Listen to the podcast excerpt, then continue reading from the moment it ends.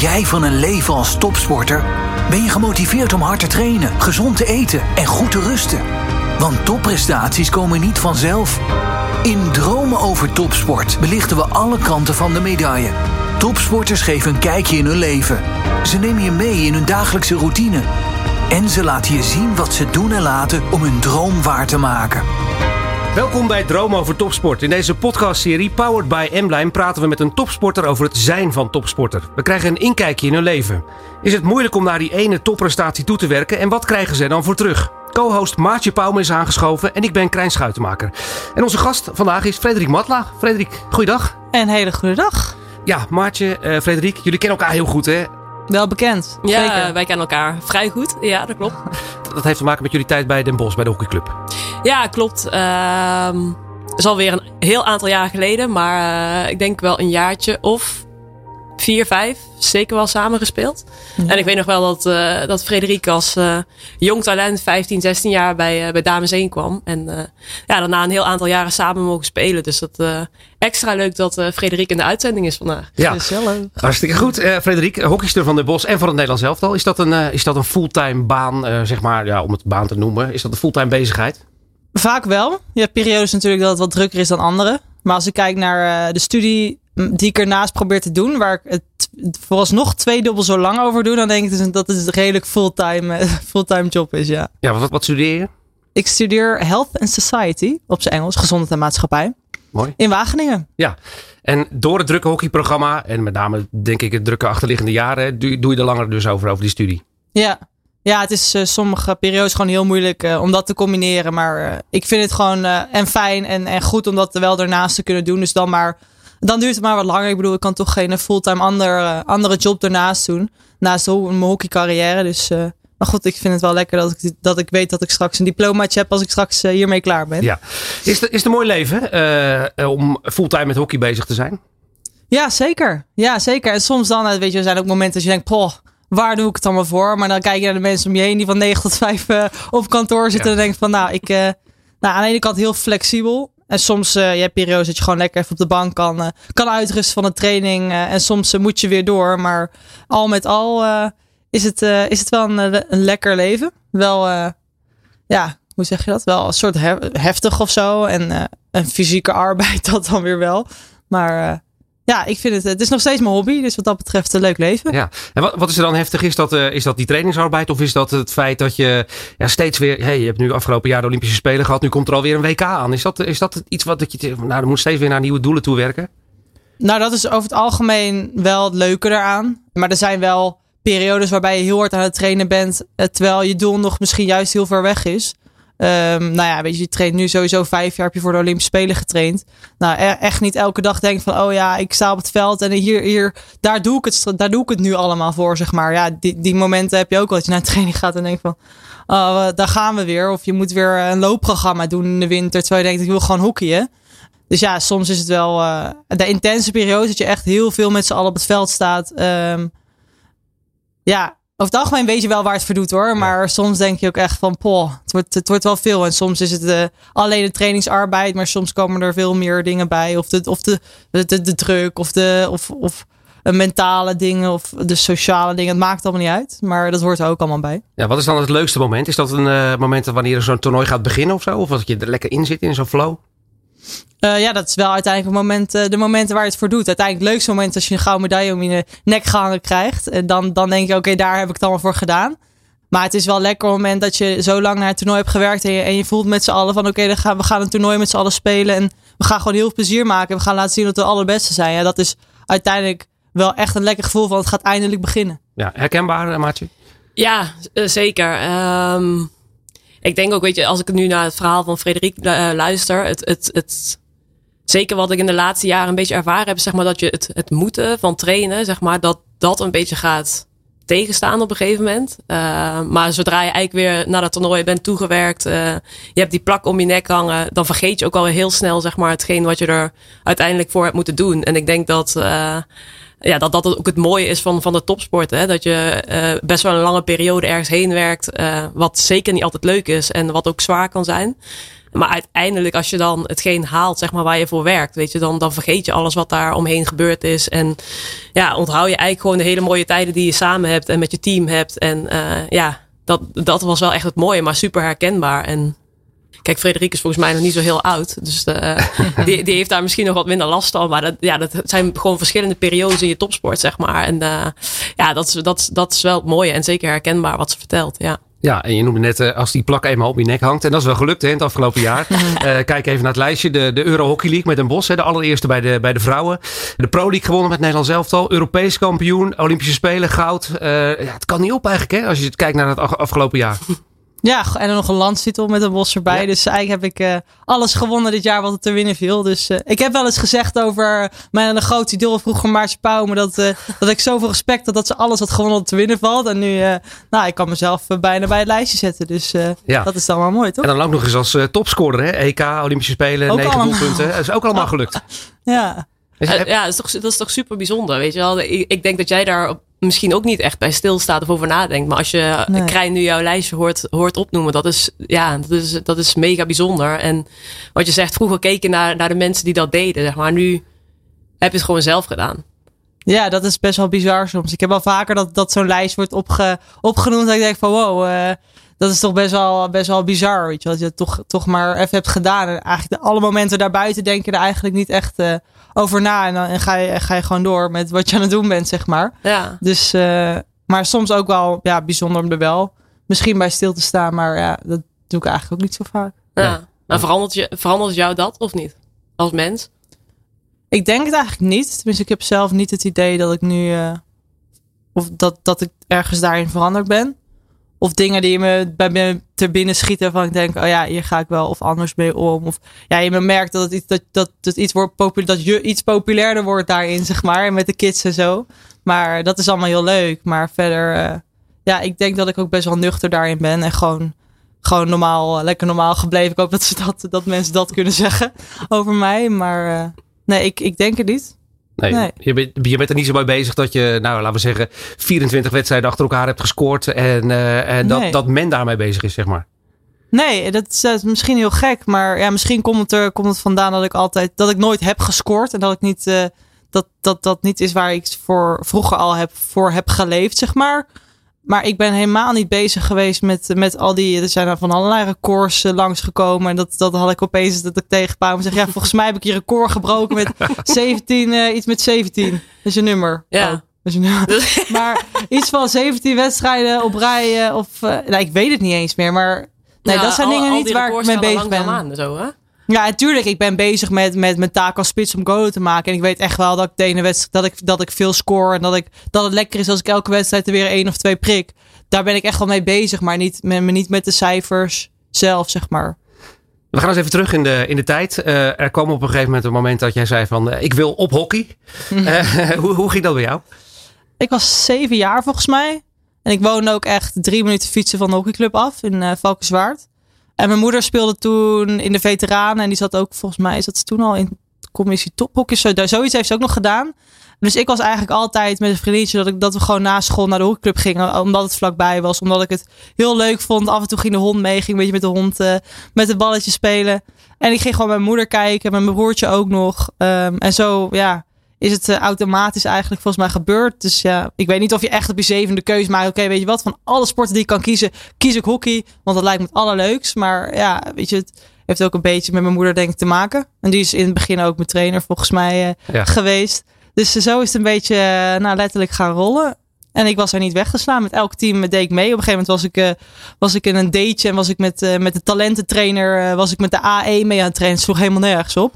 Maar ja, zo leuk vond ik. Het boeide me echt niet met wie of wat ik aan het doen was als ik maar op het hockeyveld stond. Ja, en, en wanneer ontdekte je dat je, dat je ook goed was? Dat je doelpunten kon maken? Je, je zegt het al, ik deed als A'tje mee met, of met, als, als jong meisje mee met de A1. Bij de club hadden ze dat dus ook al snel door. Um, ja, ik was wel vanaf vroeger af aan al dat, ik, dat het talent wel zichtbaar al was. Ik kon wel heel lekker mijn actietje maken, dat soort dingen als, als, als klein meisje.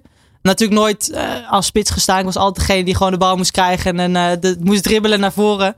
Eh, mijn moeder had me altijd tegengehouden. Zei, ja, paas, paas maar gewoon je vriendinnetjes in. Terwijl dan de vriendin van mijn moeder assistent was. En zei van, uh, paas die bal gewoon naar haar. We willen winnen, weet je wel zo.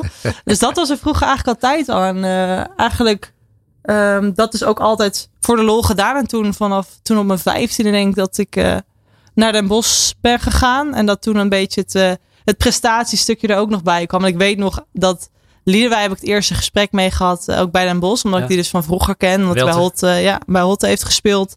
Nou, nog een tijdje de oppas is geweest. Niet heel lang hoor. Maar dus die vroeg aan mij, ja, zou je, dat, zou daar interesse in hebben bij de Bos spelen? Toen, zei, toen weet ik nog dat ze zei van ja, nu vind je hockey elke training vind je leuk, maar wacht maar. Later komt gewoon een moment dat je ook eens geen zin hebt tot de hockey. En nu denk ik echt, nu sta ik ook niet echt per se bekend als een trainingsbeest. Maar dat ik toen echt dacht dat ik voor altijd zoveel mogelijk wilde hockeyen. Dat is er wel een beetje vanaf. Ja. Kun je dat moment herinneren, Maartje? Dat Frederik zich voor het eerst kwam melden in Den Bosch bij een training? Uh, ja, dat herinner ik zeker nog. Uh, ik denk niet zeg maar bij de overstap, want heeft ze eerst denk ik nog even in de jeugd gespeeld. Ja. Maar ik weet nog wel dat zij bij, bij Dames 1 kwam. En uh, ja, een, een speelster met toen al heel veel talent. Dat zag je, dat zag je wel echt. Ook een moeilijk te peilen speelster. Um, qua uitstraling had je niet altijd door, zeg maar, of ze er echt heel veel zin in had. Of dat ze echt 100% haar best deed. Daar hebben wij samen ook uh, heel veel gesprekken over gehad en gevoerd. En um, ja, wel, je zag wel aan haar, zeg maar, dat ze heel graag wilde, heel veel talent had. Ik weet nog wel uh, in jouw eerste uh, finale voor het landskampioenschap tegen Amsterdam, dat wij shootouts hadden. Um, en dat uh, Frederik er eentje ging nemen. En dat uh, iedereen stond te kijken. Laat je nu een meisje van 15 of 16 een, een shootout nemen. Ja, ik weet nog dat je zo koelbloedig die bal naar je backhand haalde. En uh, hem zo in het net, in het net jankte. Dus dat, ja, dat was, je zag gewoon, dit is een speelster met heel veel potentie. Um, dus ja, dat vond ik heel erg leuk, zeg maar, om van die jonkies ook echt op te leiden binnen, binnen Dames 1. En ja, dat heb ik met Frederik denk ik ook wel gedaan. Dus ik, ja, het is super leuk ook dat we vandaag samen in gesprek zitten eigenlijk. En uh, als je nu haar al die jaren hebt gezien, zeg maar, en als je ziet waar ze nu staat, ja, dat is, dat is uh, prachtig om te zien dat iemand zich zo kan ontwikkelen. Ja, je hebt het over opleiden. Jij bent uh, strafcorner specialist geweest in je tijd bij Den Bosch en Nederland elftal. Heb je dat Frederik bijgebracht? Of was jij dat al een beetje? Of heb je, hebben jullie met elkaar fijn geslepen, zeg maar, die strafcorner, perfectioneren? Nou, heel lang samen getraind, denk ik. Dus ik ben niet uh, op heel vroege leeftijd begonnen met corners pushen. Maar toen in de A, toen ik aansloot bij Den Bosch, toen, uh, toen ben ik wel wat gaan trainen met een, uh, met een trainer gewoon van Den Bosch. op een gegeven moment toen ik de aansluiting, toen ik aansloot eigenlijk bij Dames 1, toen ben ik gewoon de corners gaan trainen met uh, met Irene van Assem. En daar best wel wat uren in gaan maken op een gegeven moment. Maar ja, weet je, uiteindelijk Paul was zo bezig met hoe ze die, hoe ze die bal elke wedstrijd in moest leggen en, en uh, schelden en weet ik van wat. Dat ik, dat ik gewoon daar op de achtergrond een beetje mee aan het pushen was. Uh, en op een gegeven moment kwam wel, kwam wel het moment dat je, dat je steeds meer mee ging doen met dames heen. Steeds meer daarop ging trainen. En dat je steeds meer daar aandacht ook van krijgt. En Paul was altijd bereid daar mee te, uh, mee te kijken. Wat daarin beter kon. En op een gegeven moment nou, was ze zelf klaar. En toen toen is ze dat blijven doen als, eh, als corner trainer eigenlijk van, eh, tenminste eh, met een jaartje ertussen.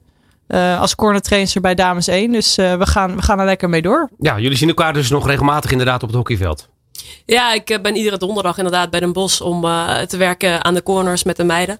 En ja, als ze nu zo zegt, zo van, stond ik te schelden en stond ik uh, alleen maar bezig zijn met mijn eigen corners op het moment dat ik nog speel. Dus lekker confronterend. Maar dat is wel wel leuk om even terug te denken in de tijd.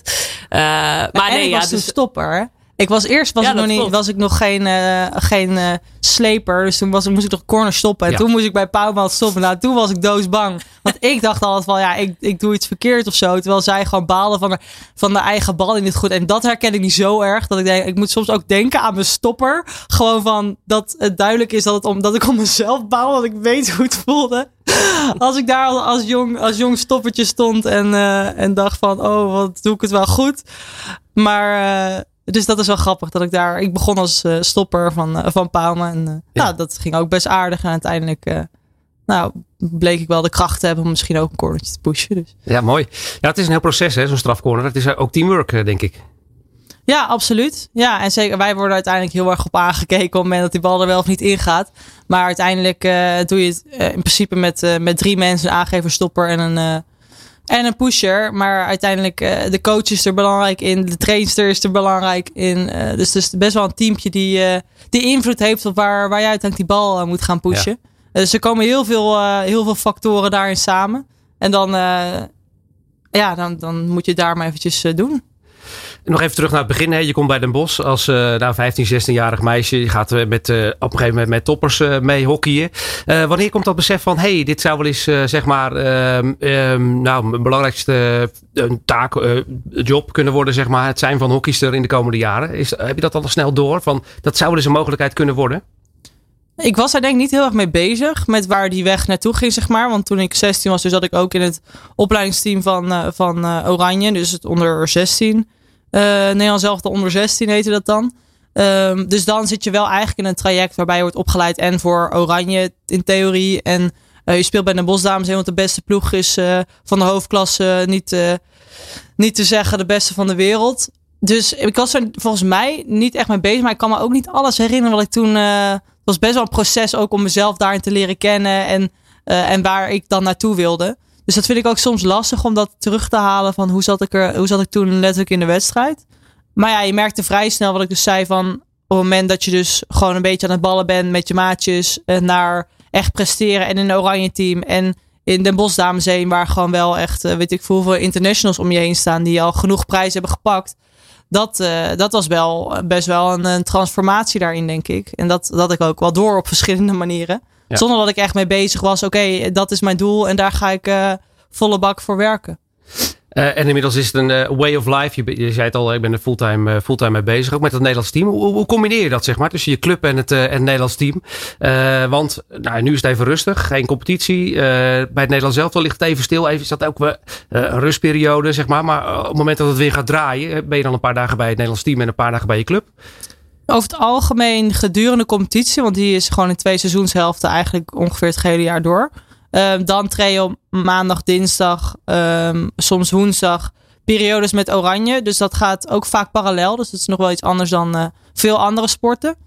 Maar je hebt ook periodes dat je, dat je alleen in bos hebt. Maar het is niet echt altijd hetzelfde. Dus dat is, dat is lastig. Uh, en in januari of uh, december vaak, maar nu naar de Spelen is het even anders. Dan gaan we ook op trainingsstage. Dat gaat deze januari ook niet echt door. Ze gaan in Nederland uh, nog gewoon trainen en soms wat Pro League wedstrijden tussendoor. Dus januari en februari die zijn nu vooral voor Oranje. En voor Pro League wedstrijden. En vanaf maart start de competitie weer. Dus dan, uh, maar ja, dan gaan we ook weer richting het WK van, van deze zomer ja. werken. Dus dan zal je ook parallel daaraan weer met Oranje twee, drie dagen per week gaan trainen. Maar dat, dat schema is wel bekend. Maar dat heb ik nu nog niet echt in mijn hoofd. Nee. Want ik heb vakantie. Ja, inderdaad. Vakantie. Uh, dat wil zeggen uh, tot rust komen. leuke dingen doen. Waar je tijdens het seizoen geen tijd voor hebt. Wat, ja. stel je was vandaag niet hier in de studio. Wat, wat doe je dan op zo'n dag? Uh, nou, ik kom net terug uit de sneeuw eigenlijk, afgelopen weekend. Dus ik heb nog wel twee weekenden gezaalhockeyd, want dat vind ik super leuk. En niet te vergelijken met veldhockey, want daar vond ik ook wel lekker dat ik dat even niet hoefde te doen. Maar ik ben, uh, ik ben twaalf dagen naar de zon geweest. Ik ben vijf dagen naar de sneeuw geweest. Dat zijn dingen die eigenlijk normaal niet echt kunnen. En uh, tenminste af en toe naar de zon in de vakantie natuurlijk wel. Uh, maar die nu wel eventjes konden. Dus daar heb, ik, uh, daar heb ik gebruik van gemaakt. En misschien dat ik dit weekend nog weer even wegga. Dus ik, wat dat betreft neem ik het er nu even van. Nu ik eigenlijk voor een zeldzame twee maanden vakantie heb. Maar normaal is het uh, maximaal drie weken. Zo ook bijvoorbeeld na de Olympische Spelen voordat de competitie weer begon. Ja. Dus normaal ga je tien dagen helemaal plat ergens... nou, in Griekenland heb ik bijvoorbeeld een familiehuis. Dus daar zit ik dan wel vaak. En nu, uh, ja, nu heb ik het even eventjes rustig. Tenminste, mijn scriptie loopt daar ook nog parallel aan. Maar daar zeg ik ook even van, uh, mijn vakantie gaat even voor. Want die is, uh, die is zeldzamer dan, dan mijn studie wat dat betreft. Dus nu is het even tijd voor, voor leuke dingen. Maar ja, dat kunnen ook dingen met vrienden, vrienden of dat soort dingen zijn in Nederland hoor. Ja, en gewoon maar, lekker inderdaad naar de sneeuw een beetje sporten. Ja, ja, ja. zo blijf je toch gewoon bezig. En er loopt wel gewoon, je hebt gewoon een loopprogramma vanuit Oranje gekregen. Dus dat bouwt ook op van rustig twee keer per week naar, uh, naar nu drie keer per week. Maar dat is, uh, dat is een prima programma om daarnaast te doen als de velden niet bevroren zijn. Ja, nou mag het ook wel denk ik hè, na zo'n heel druk jaar Olympische Spelen, Europees kampioenschap daar vlak voor. Uh, want het was eigenlijk wel een hectische periode denk ik hè, dat jaar 2021. Met name zo richting de zomer en inclusief de Olympische Spelen. Ja, en waar we het net over hadden, kijk ik vergeet ook heel veel dingen die we dan daarin het proces hebben meegemaakt. En als je erin zit, dan denk je helemaal niet, oh, wat is het super zwaar. Dan ga je gewoon door, door, door. Ook als je gewoon aan het trainen bent met oranje. Dus dan, dan ben je echt niet bezig van, oh, wat hebben we het zwaar, wat is het heftig. Dat helemaal niet. je kan er soms een beetje misschien tegenop kijken, omdat je weet wat er gaat komen. maar ook bijvoorbeeld, ik had het laatst iemand over van, of was het sportgala. En toen ging het ook over het sportjaar 20, 2020. Wanneer eigenlijk de Spelen zou zijn geweest. En te vroeg een baanwielrenner aan mij. Wat hebben jullie toen dan gewonnen? Want het was een wedstrijd. Wie van ons zou er misschien gaan winnen? Toen zei ik van ja, ik heb eigenlijk alleen maar goud gewonnen. Dus vorig jaar vast ook. Maar vorig jaar was er dus eigenlijk helemaal geen toernooi. Wat vergeet je dus? Omdat normaal heb je elk jaar toernooi. EK, WK, Olympische Spelen. Uh, of een Pro League. Uh, maar vorig jaar is eigenlijk alles niet, uh, niet doorgegaan. Dus toen zat ik ook te denken. Oké, okay, hebben we dan vorig jaar gedaan? We hebben zo'n lange periode ook. En op afstand getraind. En niet getraind. En zelf getraind. Of in je eigen woonkamer getraind. En dat zijn dingen die je dus vergeet in aanloop naar je grootste doel in je carrière, namelijk Olympische Spelen. En als je dat dan hebt, dan denk je echt niet van, oh, maar, maar oh, we komen van ver, joh. Nee, helemaal niet. Dus, maar dat is ook een jaar die we, die we gehad hebben. Dus gewoon echt veel met Oranje ook getraind. Van op afstand naar waar zijn we dan topsport wel of niet? Nou, dat werden we op een gegeven moment natuurlijk wel. En toen zijn we met z'n allen weer heel hard gaan trainen. Maar waarvoor train je dan? Want de Olympische Spelen ging niet door. En ja, dat is ook, dat is ook uh, de, de aanloop naar de Olympische Spelen geweest. Ja, dat is een lastige, lastige periode, denk ik, geweest. Kijk even naar jou, uh, Maartje. Want jij toch niet uh, zo. ja, je was natuurlijk al gestopt, maar inderdaad, zo'n gekke periode als dit in die coronatijd heb je nooit meegemaakt. Nee, ja, dat, dat is. Ja, kijk, ik coach nu natuurlijk een team. Dus je weet wel een beetje, zeg maar, dat als het hele programma niet doorgaat, zeg maar, wat je dan allemaal moet. Of ja, in werk moet gaan zetten, zeg maar, om een team toch fit te houden. En kijk, voor hun is het nog. nog ja, nog tien keer erger wat dat betreft. Want je werkt, wat, wat Frederik ook zegt, naar je, naar je Olympische Spelen toe, naar je droom, zeg maar, waar je naartoe werkt. Dus ja, en dan die onzekerheid van gaat het door, gaat het niet door, mogen we wel, mogen we niet. En uiteindelijk wordt het dan uitgesteld. Kijk, voor Frederik is misschien dan, die is nog wat jonger, uh, speelsters van 30, 31, 32, uh, die misschien eigenlijk op de Spelen wel afscheid uh, hadden willen nemen. Ja, moet je toch nog weer een jaar door, zeg maar, om die Spelen uiteindelijk te halen ja, moet je toch ook wel heel je leven en heel je programma op aanpassen. Dus ja, die onzekerheid, zeg maar, in, de, in een aanloop naar een spelen toe, ja, dat, dat lijkt me uh, super lastig. Uh, dus ik kan me voorstellen dat het best wel een rare anderhalf jaar zijn geweest. En wat ik me nu afvraag, zeg maar, het waren jouw eerste spelen. Hoe, hoe heb je het gewoon beleefd? Weet je, van toch ook een aparte spelen zonder publiek. Hoe, hoe, was het, hoe was het om daar te zijn? Nou, het was natuurlijk wel pijnlijk wat je zegt. Eh, voorafgaand daaraan dat er ook mensen niet daar naartoe konden. Die er misschien een jaar geleden wel naartoe konden. Maar ook andersom. Iemand die er vorig jaar misschien of 2020 niet bij was geweest. Die er nu wel bij was geweest. Dus dat is... Ja, dat was ook best wel heftig voor iedereen om door zo'n rollercoaster te moeten gaan. Maar uiteindelijk, kijk, ik heb best wel lastige toernooien misschien ook gehad in mijn eerste jaren bij Oranje. Dus ik had nu zoiets van: oké, deze droom die wil ik werkelijkheid gaan maken. Ik wil, ik heb van tevoren tegen mezelf, mijn kamergenootje Felice Albers gezegd: van dit wordt mijn toernooi. Ik ga in ieder geval er alles aan doen dat ik hierop terug kan kijken en zeg: dit was mijn vetste toernooi aan mijn carrière. Um, we gaan letterlijk en figuurlijk uh, zelf de slingers ophangen. Dus dat hebben we ook in de kamers en appartementen gedaan. dus uh, nou, zo kijken we op letterlijk op terug. Dus het zal ook een mindset zijn geweest, maar uh, en iemand aan mijn team zei ook van, ja, weet je, ik heb wel ook een beetje die spanning van het publiek nodig. Een externe prikkel of zo die dan, want ja, ik sta er wel onbekend dat ik een beetje zo'n ijskonijntje ben. Die die spanning niet echt voelt. Dus die zei, het team gewoon zei van, ja, als je gewoon die ringen ziet, dan moet je gewoon denken, dit is Olympische Spelen. Heel de wereld kijkt hier naar. En, en hier, hier gaan we goud, uh, goud pakken. En dat bepaalt je toekomst ongeveer. Dus dat heb ik een beetje mijn achterhoofd meegenomen. Maar tuurlijk, uh, je mist het publiek. Maar uiteindelijk met z'n allen is zo'n tunnel ook super uniek wat dat betreft. Uh, liefst maak je met al je vrienden en familie ook mee. Want iedereen wil erbij zijn. Mijn ouders zijn ook altijd overal bij geweest. Uh, en nu deed het, deed het met elkaar. Maar uiteindelijk ook daar de tijd, de tijd van mijn leven gehad en gemaakt. dus zo kijk ik er ook op terug. Maar het is wel nu ook dat ik denk, oké, Parijs is misschien zomaar weer een nieuw doel. Of logisch vervolg als Olympische Spelen. Maar het is wel een heel ander toernooi waarbij hopelijk publiek zal zijn. Waarbij een Holland Heinekenhuis zal zijn. Familie, vrienden die erbij zijn. Dus wat dat betreft is dat, is dat absoluut weer iets nieuws waar je weer naar uit kan kijken. In plaats van dat het weer gewoon een Olympisch Spelen wordt. Wat uiteindelijk nog steeds het tweede hoogtepunt van je carrière moet gaan zijn. Maar het is echt hopelijk heel anders. Een hele andere ervaring dan dat, dan dat dit het was. Dus wat dat betreft is het weer een heel nieuw doel voor, uh, voor de toekomst. Ja, en het komt al snel hè. Parijs 2024. Uh, dat ja. ooit weten is het zover. Ja, zeg dat. De tijd, uh, de tijd vliegt komende zomer nog een WK. Nou, dat is ook dat is het tweede na grootste toernooi eh, voor, voor de hockeysport. Dus, um, en in eigen land. Ja, gedeeltelijk natuurlijk. De finales zijn, uh, zijn in Barcelona, als ik het goed heb. Dus dat is weer een groot toernooi. En dan volgende zomer is het 2023. Dan is er denk ik weer een EK of zo. Ja. En dan 2024, dan, dan hebben we het al over 2,5 jaar.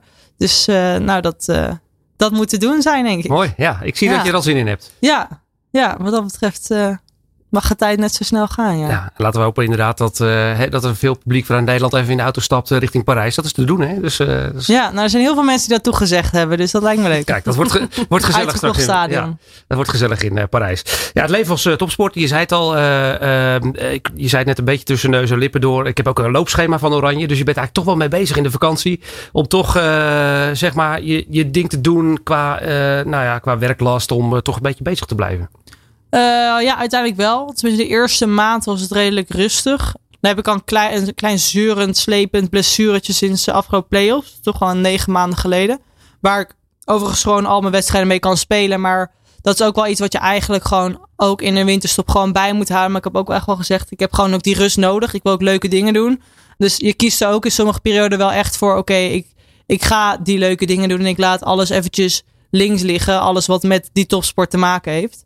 Natuurlijk, uh, je, je houdt een bepaalde leefstijl die, die erbij hoort. Want je wil uiteindelijk op, op wat is het, 15 januari aansluiten. Op een basisfitheid. Uh, en er gewoon weer volle bak tegenaan kunnen het komende half jaar. Dus natuurlijk ben je daar maar bezig. Maar in het begin lijst even helemaal los. Dan komt, uh, dan komt na een maand komt je loopschema erbij. Wordt rustig opgebouwd. Dus dan ben je er op die manier toch, toch wel mee bezig. Maar het is wel, ja, ja het, is, het is wat dat betreft te doen. Het is niet dat je elke dag in de week er zodanig mee bezig moet zijn dat je denkt: oké, ik zit nu alweer in het regime, zeg maar. Dus dat is helemaal niet zo. Het is ook niet zo dat jij elke dag uh, appjes krijgt van de conditietrainer van het Nederlands team. Uh, van hey, heb je al gelopen of wat dan ook? Mm. Of, uh, of hoe gaat nee, dat? Nee, die laten je nu eventjes met rust. Ze zijn er voor je als je het nodig hebt. En ook met, als er weer zo'n lockdown is, is de, is de kracht- en conditietrainer de eerste die zegt: oké, ik heb drie CTO-locaties gevonden waar jullie kracht kunnen doen. want het, dat wordt ook wel van je verwacht. om dat toch wel bij te houden. En niet dat we op 15 januari met z'n allen beginnen. En dat de helft na een week uitvalt vanwege kleine blessures of dat soort dingetjes. Dus tuurlijk wordt wel van je verwacht dat je, dat je er dan klaar voor bent. Uh, fysiek en mentaal. Dus dat, dat hoort er dan ook wel weer bij. Dus dan. Uh, dus ja, dat, dat, ja. doen we dan. Ja, uh, de podcast is niet uh, voor niets, uh, zoals ik in het begin al zei, powered by M-Line. ja, slapen, arbeid, training. Hoe, hoe, hoe, doe je dat? Is dat heel goed geregeld binnen een hockeyteam? Dat daar iemand echt op je let, als het ware, zeg maar, of tips geeft? Of moet je dat eigenlijk toch ook een beetje zelf uitzoeken? Het is altijd wel het grootste deel je eigen verantwoordelijkheid. En tuurlijk, of het NOC of de Hockeybond, die faciliteert alles waar mogelijk. Dus wat betreft voeding, um, en dat soort dingetjes. Dus de, de mogelijkheden zijn er wel. Maar, maar uiteindelijk is het wel gewoon je eigen verantwoordelijkheid. En, en ja, voor mij geldt ook. Je moet uiteindelijk ook een manier vinden wat, wat bij je past. En dat geldt voor, voor je eigen dieet. Ik bedoel, zo, zo strikt zijn ze er niet op. Je moet gewoon wel voelen wat lekker, wat lekker voelt, zeg maar. En wat bij je past. Uh, en ik zelf bijvoorbeeld heb, heb juist heel veel rust nodig. Dus ik heb echt 9 tot 10 uur slaap uh, per nacht nodig. Dus wat dat betreft dus, uh, kan ik niet zonder mijn M-line bed. Ja. maar, uh, maar dat wordt niet, dat, het is niet dat ik, een, dat ik mijn bed krijg vanuit, vanuit de, de hockeybond. Nee. Ja. Maar essentieel wel. Ja, als jullie op trainingskamp zijn, zeg maar, dan is dat wel goed geregeld. Ik, ik weet, uh, nou ja, we hebben regelmatig ook wielrenners gesproken voor deze podcast. Laatste uh, Milan Vader ook. Uh, bij de Jumbo-Visma-ploeg. Dan gaan de matrassen gewoon mee, zeg maar. Hoe gaat dat, hoe gaat dat bij de hockeysters? Um, nee, dat niet. Ik heb ook hotels geslapen dat je, dat je denkt, uh, waar, waar, zijn we nu weer beland? Dus zo, uh, bij ons is niet tot, tot in detail dat, dat dat allemaal geregeld is. Of dat onze eigen kok dat die meegaat. We hebben er niet eens één.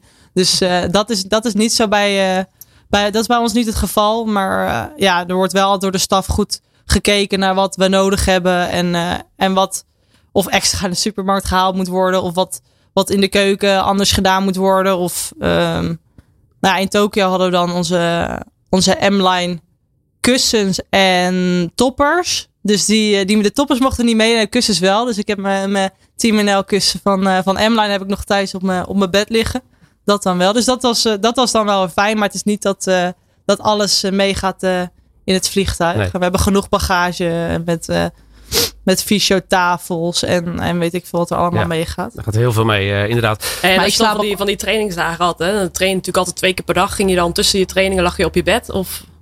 Nou, dat had ik in, um, op een gegeven moment in Tokio, hoe je dan, weet je wel, je dagen doorkomt, want je kan niet zoveel. En toen, op het moment dat zo'n toernooi begint, dan heb je, dan ben je zo bezig met die wedstrijden. Is het niet videobeelden kijken, dan, um, dan wel eten, slapen, rusten. En ik had toen echt dat ik met Felice op de kamer elke dag, ook voor de wedstrijd, anderhalf uur tussendoor ook sliep.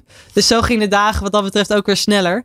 Maar dat, dat, dat werkte voor ons wel goed. Ja, natuurlijk, je moet drie, vier uur voor de wedstrijd wel. Drie uur voor de wedstrijd eten, vier uur voor de wedstrijd wakker zijn. Dat soort, dat soort dingen zijn echt wel, echt wel duidelijk voor je. Um, wat het beste uiteindelijk is voor je prestatie. Maar daar deden we dat sowieso. In Tokio deden we het elke dag. En uh, als we dubbeltrainingen hebben met uh, gewoon, gewoon op trainingslocatie tussen de trainingen door, dan, ehm, dan is daar, ja, ligt eraan of je intern zit in een hotel. Want dan is er soms wel ruimte voor. Maar normaal gesproken zit er, zit er twee, drie uurtjes tussen. En dan ga je gewoon met z'n allen eventjes een hapje eten. En dan even, even chillen op de bank of zo. Maar dan, dan moet het wel weer door. Ja. Dus dan is het iets minder uit. Voor. Ja, die anderhalf uur was in ieder geval wel productief dan in, in Tokio hè, met jullie kamer. Met Felice en jou. Jullie al in ieder geval uh, genoeg doelpuntjes gemaakt op uh, spelen. ja, ook Felice trouwens. Hè? Ja, hebben, jullie elkaar, hebben jullie elkaar tot uh, grote hoogte gestuurd, zeg maar? Slingers opgehangen samen. Ja, ja ik weet niet wat het is. Het, waar dat dan vandaan komt dat wij ze zo makkelijk hebben geprikt daar. Maar dat was toch wel leuk. Op de, op de kamer gingen we opeens voor de topscorerstitel gingen we het gevecht aan met, met elkaar. Niet dat die bestond. Ik bedoel, ik heb er niks voor gekregen uiteindelijk. Maar uh, nee, wij waren juist heel erg elkaar, dat we elkaar dat gunden. En dat we aan het kijken waren, oké, wat kan er beter? Of weet ik veel wat. En dat we in de wedstrijd zo goed mogelijk daar, uh, daar stonden. En gewoon vanuit onze eigen intuïtie en gevoel daar de juiste keuze konden maken. En zij had eigenlijk hetzelfde als ik toen, toen we bij Oranje kwamen. Zij is in principe ook middenvelder, ook bij Amsterdam. Um, dat zij in de spits werd gezet en eigenlijk daar puur op, op de eigen intuïtie een neusje voor de goal uh, daar ook bleek te hebben. Zoals ik het in het begin ook heb. En dat, dat, natuurlijk is het eventjes wennen van uh, oké, okay, ik maak opeens doelpunten. Ik weet niet of het verhaal ook zo geldt, maar die ging het, heeft ook een vliegende start natuurlijk bij Oranje ja. gehad. Ja, ik dus, wil net uh, zeggen, jij kon dat natuurlijk denk, denk best mooi ondersteunen. Want jij zat er nu al een aantal jaren bij en verliest natuurlijk ja, eigenlijk net nieuw in Oranje. Ja. Uh, heb je haar voor je gevoel zeg maar echt wat, wat dingen mee kunnen geven? Of, of vertrouwen kunnen geven? Of hoe, hoe hebben jullie dat opgenomen? Ja, ik denk en hoop dat wel, ja. Uh, ik denk dat het belangrijkste is dat je daar gewoon heel veel plezier maakt met je eigen, je eigen zelfvertrouwen. In ieder geval dat dat wel goed zit. Waardoor je gewoon je eigen ding kan doen. Dat je niet beperkt wordt door alles wat er om je heen gebeurt. Um, en ik denk, uh, tenminste, volgens mij hebben we allemaal gezien hoe zij dat ook heeft gedaan. Daar gewoon lekker de eigen ding heeft gedaan. En dat werkte heel goed voor haar. En uiteindelijk dus ook voor het team. En dat is gewoon heel mooi dat we dat samen kunnen, hebben kunnen doen. Ik bedoel, ik ken Felice voor eh, tot, tot anderhalf, twee jaar geleden ook niet heel goed. Maar we zijn wel echt daar naar elkaar toegegroeid. En, uh, en ja, hebben gewoon heel veel lol met elkaar gemaakt. Um, en dan is het gewoon heel leuk om met elkaar in de spits eh, te zorgen dat die ballen daar uh, ja. erin vallen. Ja, mooi man. En de komende jaren misschien een leuke duo ook uh, qua kamerbezetting, zeg maar. Denk ik. Ja, wie weet. Ja, wie weet. mooi. Ja. Maarten, heb jij, je hoort nu Frederik praten over nou, rust, eten en dat soort dingen. Heb je dat, dat zien veranderen in jouw periode, zeg maar, van toen jij begon en hoe het nu is, zeg maar, bij het Nederlands elftal? Ja, het, het, is echt veel professioneler geworden. Um, ik speelde mijn eerste interland in 2004, dus dat is alweer bijna 20 jaar geleden. Um, dus ja, dat, dat is, daar is een lange tijd overheen gegaan. Maar je hebt wel echt gezien zeg maar, dat de hockeysport in zijn uh, totaliteit gewoon echt professioneler is geworden. En um, ik kan me nog herinneren dat ik mijn eerste jaar in de hoofdklasse speelde bij uh, Oranje Zwart in Eindhoven op dat moment nog. Ja, daar, daar letten we toen helemaal nog niet op eten. En dan gingen we op zondag gewoon uh, lekker op stap met elkaar naar de wedstrijd. Terwijl je toch al gewoon hoofdklasse speelde. Ik speelde in Jong Oranje. Dus daar was je daar toen eigenlijk veel minder mee bezig. En eigenlijk als je ja, de laatste jaren ziet en ook uh, de trainingsschema's, wordt gewoon veel meer getraind, wordt harder getraind, uh, veel meer krachttraining gedaan, wordt veel meer op voeding gelet. Dus ja, het, is, het, is echt een, het heeft echt een hele ja, omkeer gemaakt zeg maar, in de sport. En ik denk uh, ook voor de uitstraling naar buiten van de hockeysport, dat dat alleen maar heel erg goed is geweest. En uh, als je ook kijkt, zeker naar de prestaties van, van de dames uh, afgelopen jaren, ja, is dat gewoon wel, werpt dat ook zijn vruchten af en is dat heel erg mooi om te zien. Ja, uh, ja absoluut. Mooi. Uh, is het ook een zwaar leven soms in de zin van dat topsport ook keihard kan zijn? We hebben afgelopen zomer na de Olympische Spelen ook gezien in Nederland, uh, in, de, in, in de krant, hè, dat het sfeertje misschien niet altijd even lekker is rond zo'n topsportklimaat, zeg maar. Hoe, hoe, sta je daar zelf in, zeg maar? merk je dat? Of dat? Dat de dingen beter kunnen of anders kunnen of anders moeten misschien wel? Um, ja, dat merk je wel. Ik sta, daar, ik sta er ook zeker achter dat je elke keer moet kijken van oké, werkt dit prestatieklimaat, deze cultuur, werkt dat voor ons? En als je op een gegeven moment tot de conclusie komt dat, het, dat het misschien ook anders kan of nog beter kan, dan, uh, dan moet je daar met z'n allen heel goed naar kijken. En um, ja, weet je, het is, het is super knap dat we al die jaren al zo hebben kunnen eh, blijven presteren. Dus daar, daar ben ik ook super trots op. Maar we zijn wel op het punt gekomen dat we denken van... oké, ik weet niet of dit nog houdbaar is voor de toekomst... Uh, van dit oranje en ook voor het oranje wat nog komen gaat. En misschien juist wat je ook ziet, uh, het generatieverschil of uh, tussen de oudjes en de jonkies. Misschien in dit team, maar ook hoe het blijkbaar het hele topsportklimaat eigenlijk vrij dynamisch is. En misschien daarin ook best wel nog steeds doorverandert. dat dat ook op een gegeven moment, dat wij in het team ook daarin dingen moeten aanpassen. Omdat je dat niet, dingen niet kan blijven doen. Misschien op de manier zoals je ze deed. Misschien heel vaag allemaal hoor. maar we zijn nu gewoon met z'n allen intern aan het kijken van oké, wat, wat werkt voor ons en hoe kunnen we nog beter en hoe kunnen we nog, met nog meer plezier met elkaar het veld opstappen. En dan geloof ik dat we een finale op de Olympische Spelen misschien met 3-1 en met, met uh, 6-0 kunnen winnen. Ja, ik, ik geloof daarin. En het klinkt misschien niet uh, dat van de buitenstaanders dat je denkt oké, maar je wint een Olympische finale, je pakt alleen maar goud en je wint met 3-1. Maar uh, ja, ik geloof wel in als je, daar, als je daar kritisch naar blijft kijken en het kan nog beter. Um, dat je ook qua prestatie en qua cultuur daarin gewoon uh, ja, nog beter in ja. kan. Ja, je noemt uh, niet voor niks denk ik het woordje plezier, zeg maar. Dat, uh, dat je ook lol moet hebben met elkaar. En, en dan komen die prestaties misschien ook wat sneller, wat beter, meer vanzelf. Ja, tuurlijk. Bij ons staat plezier altijd op, op nummer 1. Natuurlijk heb je ook fases dat je dat even niet zo voelt. Maar uiteindelijk is dat het allerbelangrijkste. Dat is waarom je voor Oranje speelt. Um, is een combinatie van plezier en, en winnen, denk ik. Dus dat, dat moet uiteindelijk, weet je, die balans moet er wel zijn. Natuurlijk, uh, je wil heel graag goud winnen, maar het kan ook, het gaat wel ook, je moet ook kijken naar de manier waarop. En als dat met heel veel plezier kan, dan kies je daarvoor. Dus dan ga je met elkaar kijken, oké, wat is de manier waarop dat het beste voor ons, uh, voor ons kan werken. Dus dat is, dat is een heel interessant proces. Kost natuurlijk ook uh, veel energie van iedereen. Maar uiteindelijk hoop ik dat het veel op gaat leveren. Is, daar nu, uh, de uitge- is dat nu de uitgelezen periode zeg maar, om dat te doen? Omdat je zo'n nieuwe Olympische cyclus ingaat. Je hebt het jaar 2021 afgesloten. Ja. Uh, dat jullie met elkaar om de tafel gaan zitten? Ja, sommige mensen stellen inderdaad de vraag ook van... Oké, maar je hebt nu goud gewoon Olympische Spelen. Is dit dan een logisch moment dat dit zo naar buiten komt? Dat ik denk van ja, ik, ik vind van wel. Want we hebben vijf jaar lang alles opzij gezet om hiervoor te gaan. En dan ga je niet halverwege denken, oké, misschien moet het compleet anders doen. En nee, je wil gewoon uh, met dit team, met, met deze focus, wil je gewoon die tunnel in met elkaar. Je wil een Olympisch gouden plak pakken. En dan kijk je pas om je heen, oké, um, hoe, is het, hoe is het gaan en hoe willen we het de volgende keer doen? En dan is het logisch dat je na een, uh, na de Olympische Spelen gaat evalueren uh, met de bond, met elkaar. En kijkt van, oké, hoe gaan we de volgende cyclus met z'n allen in? Ja, want Nederland is natuurlijk wel het uh, hockeyland van de wereld. Hè? En dat wil je eigenlijk ook zo houden. Uh, nu heeft Nederland heel veel hockeysters. Je ziet het ook in de afgelopen jaren in het Nederlands team. Als er een nieuwe speelster bij kwam, die gaat er moeiteloos, moeiteloos inpassen. Hoe blijf je de beste als, als Nederland, zeg maar? Want andere landen hebben misschien wat meer een soort kernselectie. Waar ze twee jaar lang of drie jaar lang keihard mee gaan trainen. En bij Nederland is dat misschien toch net ietsje anders. Omdat hier al heel veel talent rondloopt. Maar hoe blijft Nederland volgens jou het beste hockeyteam van de wereld? Nou ja, we hebben uiteindelijk een hele goede jeugdopleiding ook. Die elke keer, elke keer of mee gaan trainen. Of een potentiegroep. Of, of een jong oranje wat, wat het heel goed doet. In de jeugd zijn we eigenlijk ook uh, uh, de allerbeste volgens mij altijd geweest. Ja. Dus die opleiding is natuurlijk heel goed. Maar ook wij, weet je, wij zijn ook nooit heel erg snel tevreden. Wij kijken ook naar de punten die nog beter kunnen. En doordat je en kritisch op jezelf blijft. En, en, en al die dingen gewoon of plezier en, en presteren, dat dat allemaal goed gaat. En ik weet nog dat op de Spelen even de Goede op een gegeven moment in de kwartfinale tegen Nieuw-Zeeland zei uh, als aanvoerende groep van uh, ja, Nieuw-Zeeland is, uh, is de underdog. Maar ja, onze tegenstander is altijd de underdog, want wij zijn de beste. Dat, dat, dat legt de druk toch weer eventjes van je af. Van in principe, wij zijn de allerbeste. Iedereen is minder goed dan wij. Dus ga gewoon lekker hockeyen en dan komt het wel goed. Weet je wat? Dus Um, we hebben gewoon heel veel diversiteit in de huidige ploeg. En wat er natuurlijk in de jeugd allemaal, uh, allemaal nog aankomt. Uh, dus dat is, dat is techniek, dat is uh, een bepaalde fitheid, dat is uh, um, het doorzettingsvermogen. Al die dingen, dat, dat is gewoon in balans in ons team. En gewoon heel divers daarin. Dus dat zorgt dat we eigenlijk elk jaar een team op de benen ja. kunnen brengen. En ook door het grote, grote vijvertje wat we natuurlijk hebben. Precies ja, dat we het uh, best wel uh, goed doen. Ja, dat is mooi. Voor, richting de toekomst. Uh, kijk je ook terug ja. in het verleden. Nederland was altijd al de, de, de kloppenploeg, hè Maartje? Ja, en ik denk, ik denk dat je juist ook wel heel erg scherp houdt. Op het moment dat je de, de beste van de wereld bent, voel je eigenlijk ook altijd dat alle teams die er net onder staan je heel graag willen verslaan. En dat eigenlijk ieder jaar alleen maar ja, die wil om je te verslaan groter wordt. Omdat uh, ja, niemand kan het natuurlijk hebben dat Nederland al zo lang zeg maar, uh, eigenlijk de beste ploeg van de wereld is.